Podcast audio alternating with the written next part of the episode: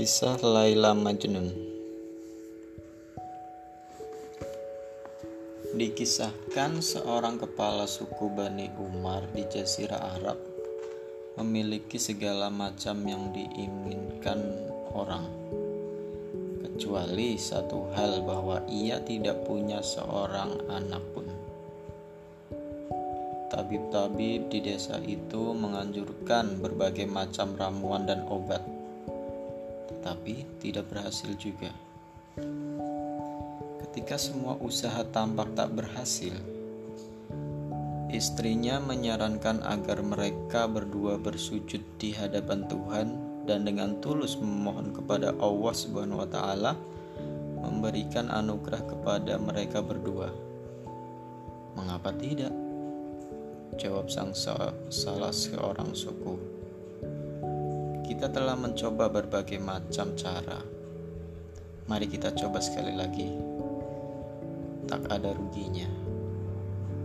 Mereka pun bersujud kepada Allah sambil berurai air mata dari relung hati mereka yang terluka.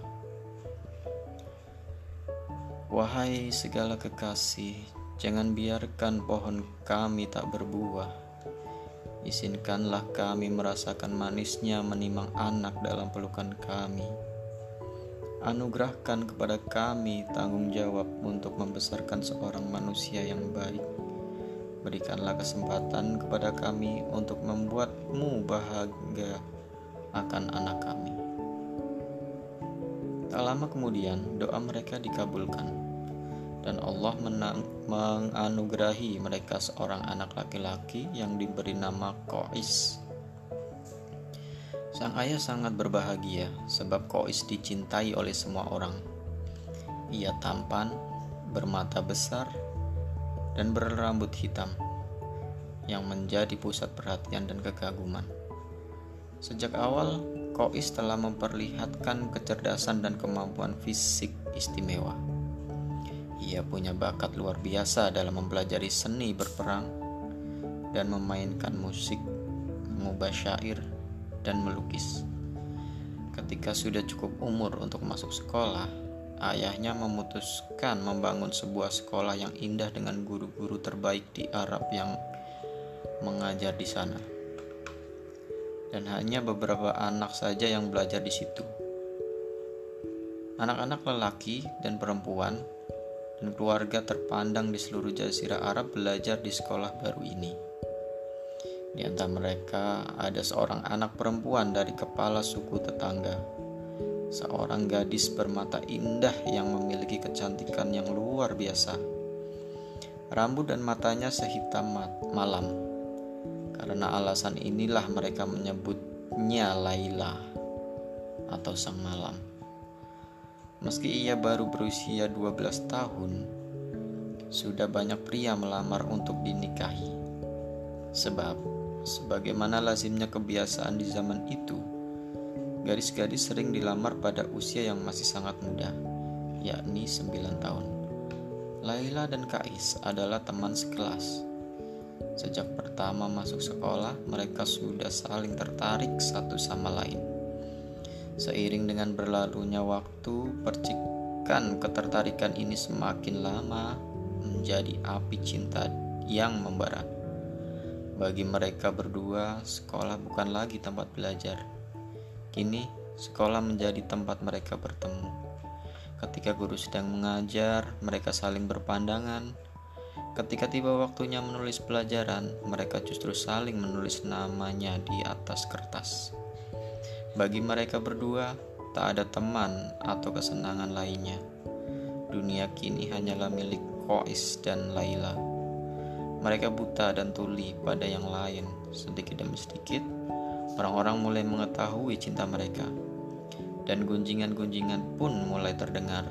Di zaman itu tidaklah pantas seorang gadis dikenal sebagai sasaran cinta seseorang dan sudah pasti mereka tidak akan menanggapinya. Ketika orang tua Laila mendengar bisik-bisik tentang anak gadis mereka, mereka pun melarang pergi ke sekolah. Mereka tak sanggup lagi menahan beban malu pada masyarakat sekitar. Ketika Laila tidak ada di ruang kelas, Kois menjadi sangat gelisah sehingga ia meninggalkan sekolah dan menyelusuri jalan-jalan untuk mencari kekasihnya dengan memanggil-manggil namanya. Ia mengubah syair untuknya dan membacakannya di jalan. Kemudian kisah cinta mereka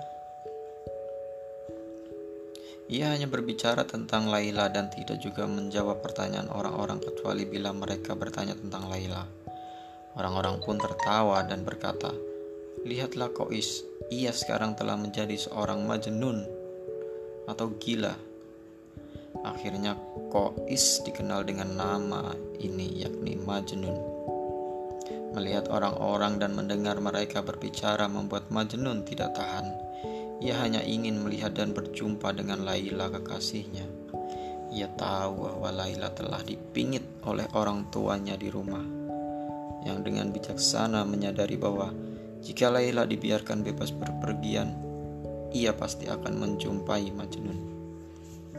Majnun menemukan sebuah tempat di puncak bukit dekat desa Laila dan membangun sebuah gubuk untuk dirinya yang menghadap rumah Laila. Sepanjang hari Majnun duduk di depan gubuknya.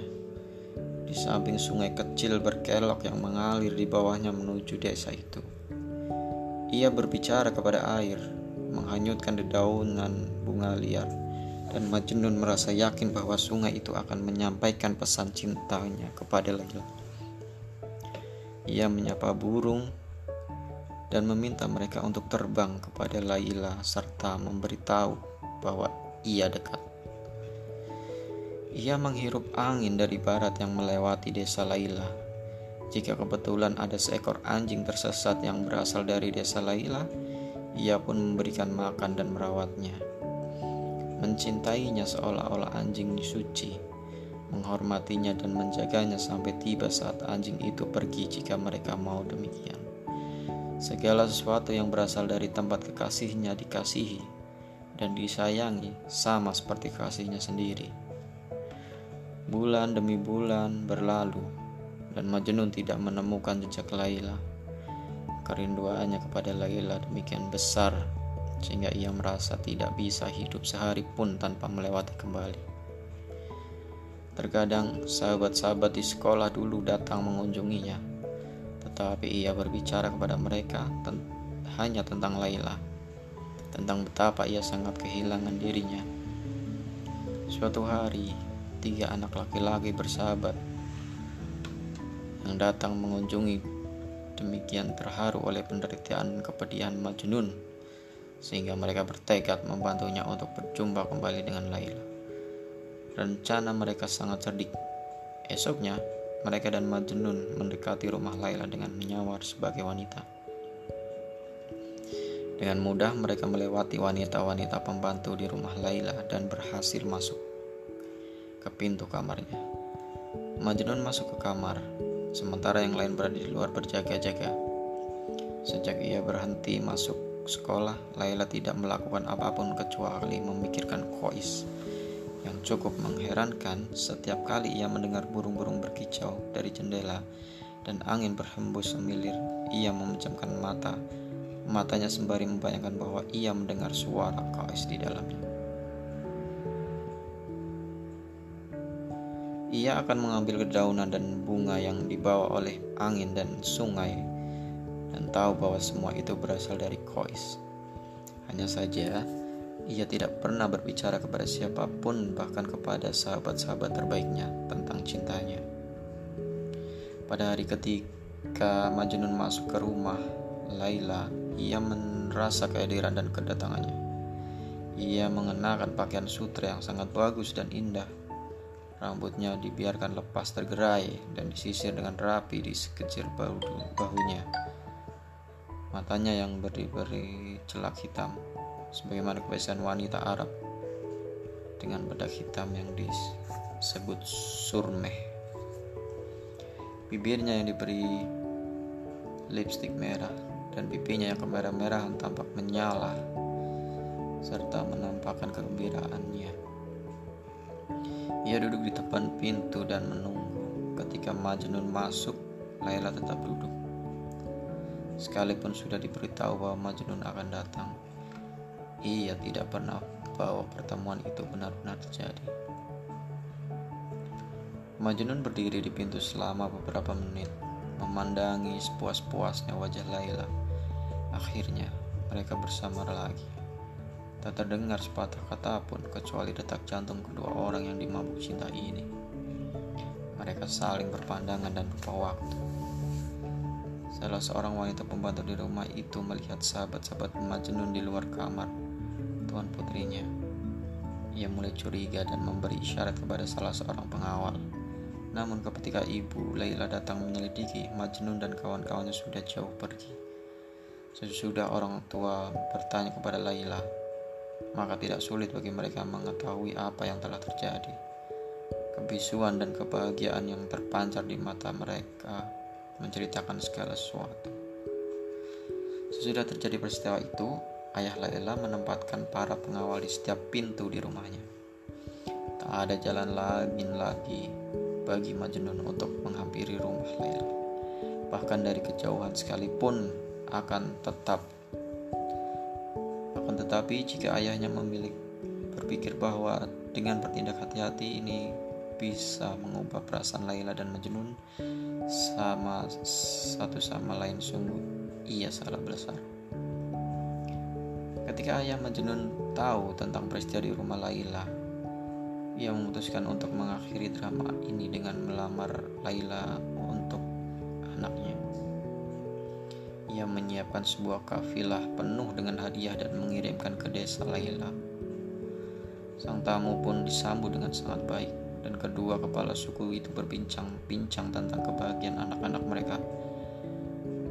Ayah Majnun lebih dahulu berkata, Engkau tahu benar, kawan, bahwa ada dua hal yang sangat penting bagi kebahagiaan, yaitu cinta dan kekayaan. Anak lelakiku mencintai anak perempuanmu, dan aku bisa memastikan bahwa aku sanggup memberi mereka cukup banyak uang untuk mengarungi kehidupan yang bahagia dan menyenangkan. Mendengar hal itu, ayah Laila pun menjawab, Bukannya aku menolak Kois. Aku percaya kepadamu sebab engkau pastilah seorang mulia dan terhormat, jawab ayah Laila. Akan tetapi, engkau tidak bisa menyalahkanku kalau aku berhati-hati dengan anakmu. Semua orang tahu perilaku abnormalnya. Ia berpakaian seperti seorang pengemis Pasti aku sudah lama tidak mandi dan ia pun hidup bersama hewan-hewan dan menjadi orang banyak. Tolong katakan kawan, jika engkau punya anak perempuan dan engkau berada dalam posisiku, akankah engkau memberikan anak perempuanmu kepada anakku? Ayah Kois tak dapat membantah apa yang bisa apa yang bisa dikatakannya. Padahal dulu anaknya adalah teladan utama bagi kawan-kawan sebaiknya. Dulu Kois adalah anak yang paling cerdas dan berpakat di Antero Arab. Tetapi tentu saja tidak ada yang dapat dikatakannya. Bahkan sang ayah sendiri susah untuk mempercayai sudah lama orang tidak mendengar ucapan bermakna dari Majnun. Aku tidak akan diam berpangku tangan dan melihat anakku menghancurkan dirinya sendiri, pikirnya. Aku harus melakukan sesuatu. Ketika ayahnya pulang, ia menjemput anaknya dan mengadakan pesta makan malam untuk menghormati anaknya. Dalam jamuan pesta makan malam itu, gadis-gadis tercantik di seluruh negeri pun diundang. Mereka pasti mengalihkan perhatian Majnun dari Malia, Laila, pikir ayahnya. Di pesta itu, Majnun diam dan tidak mempedulikan tamu-tamu lainnya di sebuah sudut ruangan sambil melihat gadis-gadis itu hanya untuk mencari pada diri mereka berbagai kesamaan dengan yang dimiliki oleh Laila. Seorang gadis mengenakan pakaian yang sama dengan milik Laila, yang lainnya punya rambut panjang seperti Laila. Yang lainnya punya senyum mirip Laila. Namun tak ada seorang pun yang benar-benar mirip dengan Laila. Malahan tidak ada seorang pun yang memiliki separuh kecantikannya Laila. Pesan itu hanya menambah kepedihan perasaan Majnun kepada kekasihnya. Ia pun berang dan marah serta menyalahkan setiap orang di pesta itu lantaran berusaha mengelabuinya. Dengan berurai air mata Majnun menuduh orang-orang dan sahabat-sahabatnya sebagai berlaku kasar dan kejam kepadanya. Ia menangis sedemikian hebat hingga akhirnya jatuh ke lantai dan pingsan. Sesudah terjadi petaka ini, ayah memutuskan agar Kois dikirim untuk menunaikan ibadah haji ke Makkah dengan harapan bahwa Allah akan merahmatinya dan membebaskan dari cinta yang menghancurkan ini. Di Makkah, untuk menyenangkan ayahnya, Majnun bersujud di depan altar Ka'bah. Tetapi apa yang ia mohonkan? Wahai yang maha pengasih, Raja di Raja para pecinta, Engkau yang menganugerahkan cinta, aku hanya memohon kepadamu satu hal saja. Tinggikanlah cintaku sedemikian rupa sehingga sekalipun aku binasa cintaku dan kekasihku tetap hidup. Ayahnya kemudian tahu bahwa tak ada lagi yang bisa ia lakukan untuk anaknya. Usai menunaikan ibadah haji, Majnun yang tidak mau lagi bergaul dengan orang banyak di desanya, pergi ke gunung tanpa memberitahu di mana ia berada. Ia tidak kembali ke gubuknya, alih-alih tinggal di rumah, ia memilih tinggal di reruntuhan sebuah bangunan tua yang terasing dari masyarakat dan tinggal di dalamnya. Sesudah itu, tak ada seorang pun yang mendengar kabar tentang Majnun. Orang tuanya mengirim segenap sahabat dan keluarga untuk mencarinya, namun tak seorang pun berhasil menemukannya. Banyak orang berkesimpulan bahwa Majnun dibunuh oleh binatang-binatang gunung Sahara. Ia bagai hilang di tepan telan bumi. Suatu hari seorang musafir melewati runtuhan bangunan itu dan melihat ada sok aneh yang duduk di salah sebuah tembok yang hancur. Seorang liar yang dengan rambut panjang hingga ke bahu, jenggot panjang dan acak-acakan. Bahunya compang-camping dan kumal. Ketika sang musafir mengucapkan salam, dan tidak beroleh jawaban, ia mendekatinya. Ia melihat ada seekor serigala tidur di kakinya. Hush, katanya. Jangan bangunkan sahabatku. Kemudian ia mendengarkan pandangan ke arah kejauhan. Sang musafir pun duduk di situ dengan tenang. Ia menunggu dan ingin tahu apa yang akan terjadi. Akhirnya orang liar itu berbicara. Segera saja ia pun tahu bahwa ini adalah Majnun yang terkenal itu, yang berbagai macam perilaku anehnya dibicarakan oleh seluruh jazirah Arab. Tampaknya Majnun tidak kesulitan menyesuaikan diri dengan kehidupan dengan binatang, binatang buas di liar dan liar. Dalam kenyataannya, ia sudah menyesuaikan diri dengan baik, sehingga lumrah saja melihat dirinya sebagai bagian dari kehidupan liar dan buas itu. Berbagai macam binatang tertarik padanya, karena secara naluri mengetahui bahwa Majnun tidak akan mencelakakan mereka. Bahkan binatang-binatang buas seperti serigala sekalipun percaya pada kebaikan dan kekasih sayang Majnun. Sang musafir itu mendengarkan Majnun melantunkan berbagai kidung pujian pada Laila. Mereka berbagai potong roti diberikan olehnya. Kemudian sang musafir itu pergi dan melanjutkan perjalanannya. Ketika tiba di desa Majnun, ia menuturkan kisah pada orang-orang. Akhirnya sang kepala suku, ayah Majnun, mendengar berita tersebut. Ia mengundang sang musafir ke rumahnya dan meminta keterangan rinci darinya. Merasa sangat gembira dan bahagia bahwa Majnun masih hidup. Ayahnya pergi ke gurun Sahara untuk menjemputnya. Ketika melihat reruntuhan bangunan yang dilukiskan oleh sang musafir, tersebut, ayah Majnun dicekam oleh emosi dan kesedihan yang luar biasa. Betapa tidak anaknya terjerembab dalam keadaan mengenaskan seperti ini.